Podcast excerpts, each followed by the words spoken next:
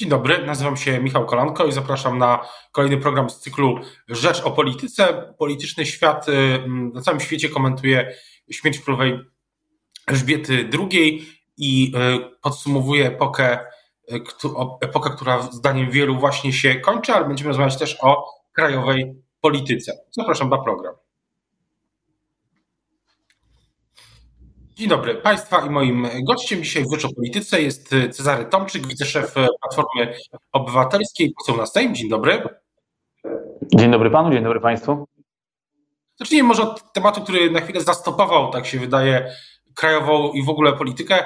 Zmarła królowa Elżbieta II, cały świat y, komentuje, składa wyrazy współczucia i najczęściej pojawia się takie hasło, takie stwierdzenie, że to jest koniec pewien, pewnej epoki. Jak, jak pan ten jak pan to odczuwa, jak pan to widzi? No na pewno mam wrażenie, że dla wielu Polaków to jest też takie mm, ogromne poczucie, że skończyło się coś ważnego. Nikt z nas nie pamiętał e, innej monarchini e, albo monarchy brytyjskiego e, i chyba wszyscy trochę zrośliśmy się z Elżbietą II, też jako polski naród, więc po pierwsze chciałbym złożyć wyrazy współczucia dla całego narodu brytyjskiego i dla rodziny królewskiej, ale też dla wszystkich tych u nas w kraju, którzy e, czują jakąś pustkę po tym, jak Elżbieta II e, odeszła. To na pewno była wyjątkowa e, osoba, wyjątkowa kobieta, wyjątkowa monarchini, którą zresztą ostatnio mogliśmy też śledzić na rozmaitych serialach, które się pojawiały, które pokazywały pewną istotę monarchii, co też myślę zbliżyło wielu ludzi właśnie do rodziny królewskiej to jest, myślę, myślę, że tych komentarzy i analiz y, rzeczywiście też w kontekstach, w różnych kontekstach będzie, będzie jeszcze wiele, ale też takie poczucie, że, że, że mm, królowa była przewidywalnym punktem, tak jak mówiąc ogólnie, w, w świecie, który się bardzo szybko i gwałtownie zmienia, zwłaszcza w ostatnich kilku latach. Pytanie też, co, pytanie jest, co dalej, co teraz?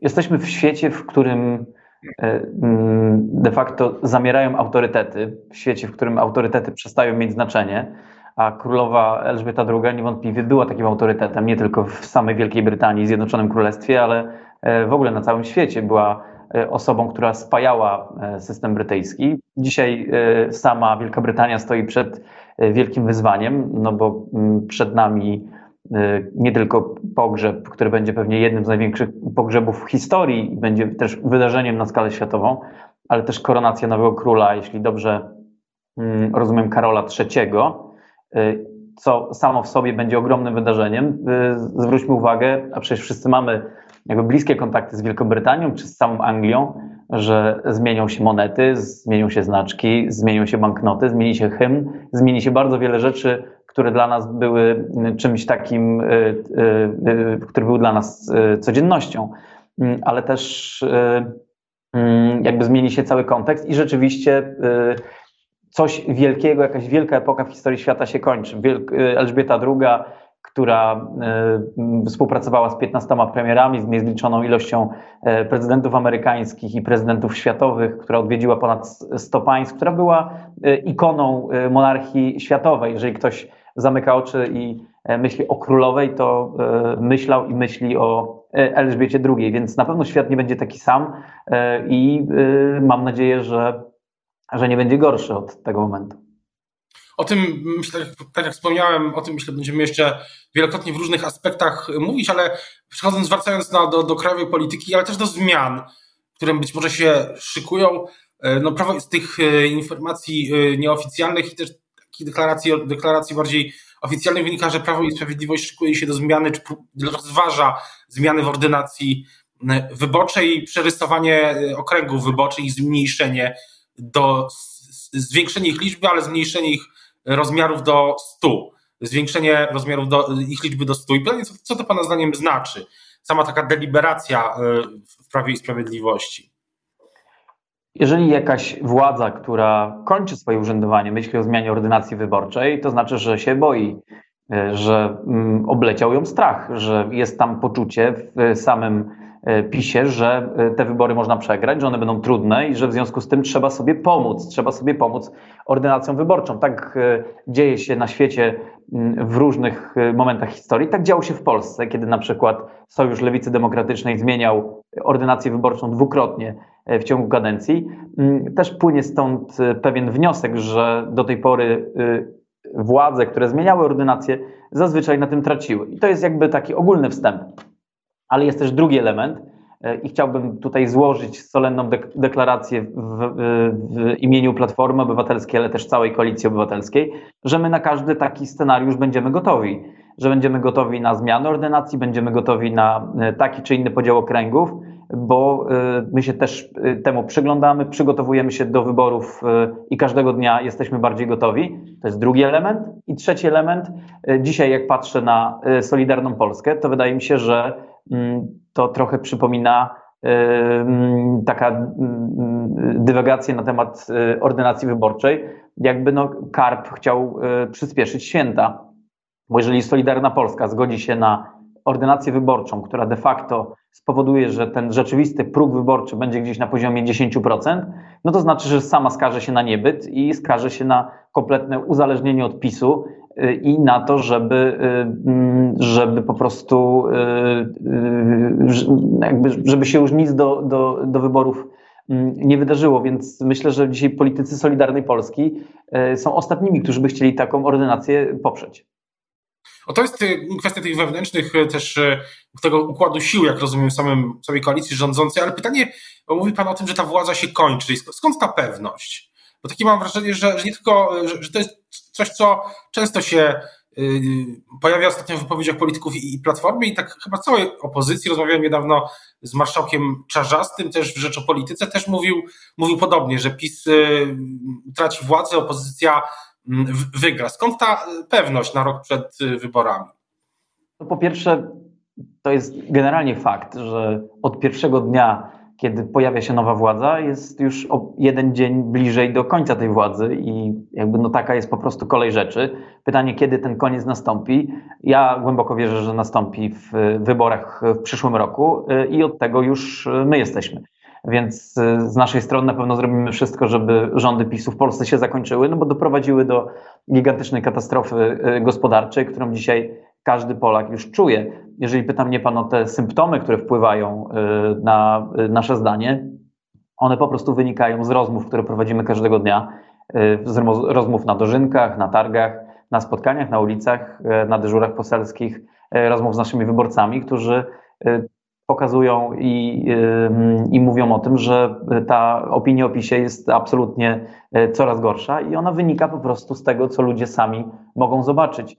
Jeżeli dzisiaj e, PiS e, pokazuje telewizję publiczną albo pokazuje w telewizji polskiej, jak jest wspaniale w Polsce, że nie ma drożyzny, że jest węgiel, że właściwie wszystko tanieje i że jest w ogóle super, no to ludzie mogą bardzo szybko zestawić to z rzeczywistością, która wygląda e, zupełnie inaczej, jest mniej kolorowa. E, więc propaganda rozjechała się na pewno z rzeczywistością i coraz więcej osób to widzi.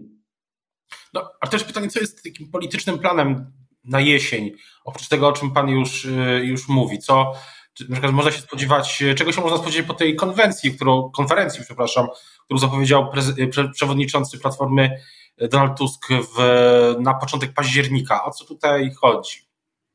Jeśli dobrze pamiętam, to e, po prostu e, przewodniczący Tusk zapowiedział ją na październik, więc jeszcze termin pewnie nie jest do końca rozstrzygnięty.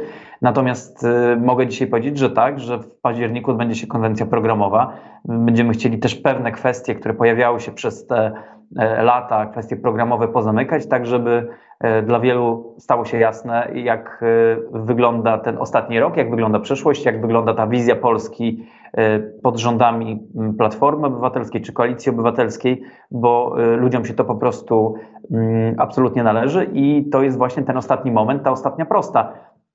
Dzisiaj wszyscy możemy mieć takie poczucie, że jesteśmy na pewnym finale jesteśmy na pewnej ostatniej prostej tej władzy, która e, kończy się wraz e, z wyborami. I tylko od nas zależy, jak będzie ta ostatnia prosta wyglądała, jak będzie wyglądała kampania, jak będzie wyglądało przygotowanie. Ja bym chciał, żeby polityka e, przez ten ostatni rok to była polityka konkretu, konkretnych cytatów, konkretnych wartości, tak żeby każdy Polak, każda Polka, którzy nas oglądają, mogli wnioski wyciągnąć sami żeby mogli samemu stwierdzić, czy to, co obiecywała władza, jest prawdą, czy nie. I pierwszy mm, przykład z brzegu, pani minister Moskwa mm, kilkanaście tygodni temu obiecywała, że tona węgla będzie po 966 zł za tonę. To jest nieprawda. To okazało się wielkim i wierutnym e, kłamstwem. Dzisiaj minister Moskwa powinna e, podać się do dymisji e, po tym, co obiecała Polakom. Ludzie czekali na węgiel, czekali na to, żeby węgiel kupić. Dzisiaj go nie ma. Dzisiaj, jeżeli już się pojawia, to kosztuje prawie 4000 zł za tonę. To co to ma wspólnego ze słowami Morawieckiego czy właśnie minister Moskwy? No ale też zima, czy sezon grzewczy dopiero przed nami, tak samo jak myślę, że dopiero wiosną będzie można dokonać takiego pełnego podsumowania, co, co się. E, dzisiaj e, jest 9 września. E, ludzie w domkach jednorodzinnych w ciągu pewnie tygodnia, dwóch muszą zacząć sezon grzewczy, dlatego że temperatura w nocy spada i po prostu tak wygląda sytuacja. W domach wielorodzinnych sezon grzewczy zacznie się nieco później. Jeżeli dzisiaj nie ma tego węgla, nie można go kupić na składach, to co ci ludzie mają zrobić? Mają czekać na słowa premiera, który mówi, że E, można węgiel kupić w styczniu, a w takim razie czym e, ogrzewać dom w październiku, w listopadzie i w grudniu? Śmieciami? O to jest e, pytanie, na które będą odpowiadać politycy PiS pewnie przez rzeczywiście cały, cały, najbliższy, cały najbliższy rok, ale na koniec jeszcze pytanie o inną, o inną zmianę, bo zaczęliśmy od zmiany ordynacji, ale pytanie też o zmianę w TVP, bo pamiętam, że na przykład kampania prezydenta Warszawy Rafała Trzaskowskiego E, zaczęła się w ubiegłym, w 2020 roku e, między innymi od kwestii, kwestii zmian w TVP, konkretnie w TVP Info. Pan to też doskonale e, pamięta, jako szef tamtej kampanii. No i pytanie, czy teraz, gdy Jacek Kurski przestał być prezesem TVP, to pan ma jakieś teraz oczekiwania? Uważa pan, że coś, coś to zmieni, czy raczej nic? Mm, czy oglądał pan może wczoraj wiadomości? Nie, byłem w drodze do, w drodze Forum Ekonomicznego w, Karpaczu. Przyznam szczerze, że rzadko... Miał jakąkolwiek nadzieję, że coś się zmieni, to niech sobie włączy y, wiadomości y, z wczoraj i y, można wnioski wyciągnąć samemu. Telewizja zwana kiedyś publiczną stała się telewizją rządową i jest telewizją, która nie ma nic wspólnego z prawdą. Jest telewizją, która dezinformuje Polaków, która szczuje, która Y, moralnie jest odpowiedzialna za y, krzywdę wielu ludzi, moim zdaniem między innymi za y, śmierć pana prezydenta Adamowicza i w takiej formie TVP Info powinno być po prostu zlikwidowane. Nie mam co do tego najmniejszych wątpliwości. Tak jak po 1989 roku został zlikwidowany dziennik telewizyjny i na jego miejsce pojawiły się wiadomości, które mówiły prawdę, które były telewizją demokratyczną czy programem demokratycznym, ze wszystkimi perturbacjami e, pomiędzy. Tak dzisiaj TVP Info i Wiadomości to są marki, które powinny zostać wyrzucone do kosza i do których nigdy nie powinno się więcej wracać. Nie mam żadnych oczekiwań po nowym prezesie, nie mam żadnych oczekiwań po PiSie. Jeżeli chodzi o telewizję polską, to są ci sami ludzie, ci sami ludzie, którzy to przygotowali, tworzyli, którzy są za to odpowiedzialni, którzy kłamali rano, kłamią teraz i będą kłamali wieczorem. O tym, e, o tych e, o kolejnym, kolejnych etapach kampanii wyborczej, oczywiście o tym, co dzieje się w krajowej polityce, będziemy do tego wracać jeszcze wielokrotnie w Rzecz o Polityce do e, przyszłorocznych wyborów. Teraz bardzo już dziękuję za rozmowę. Państwa i moim gościem dzisiaj był Cezary Tomczyk, wiceszef Platformy Obywatelskiej i poseł na Sejm. Dziękuję bardzo. Dobrego weekendu. Dziękuję. Wszystkiego dobrego na cały dzień.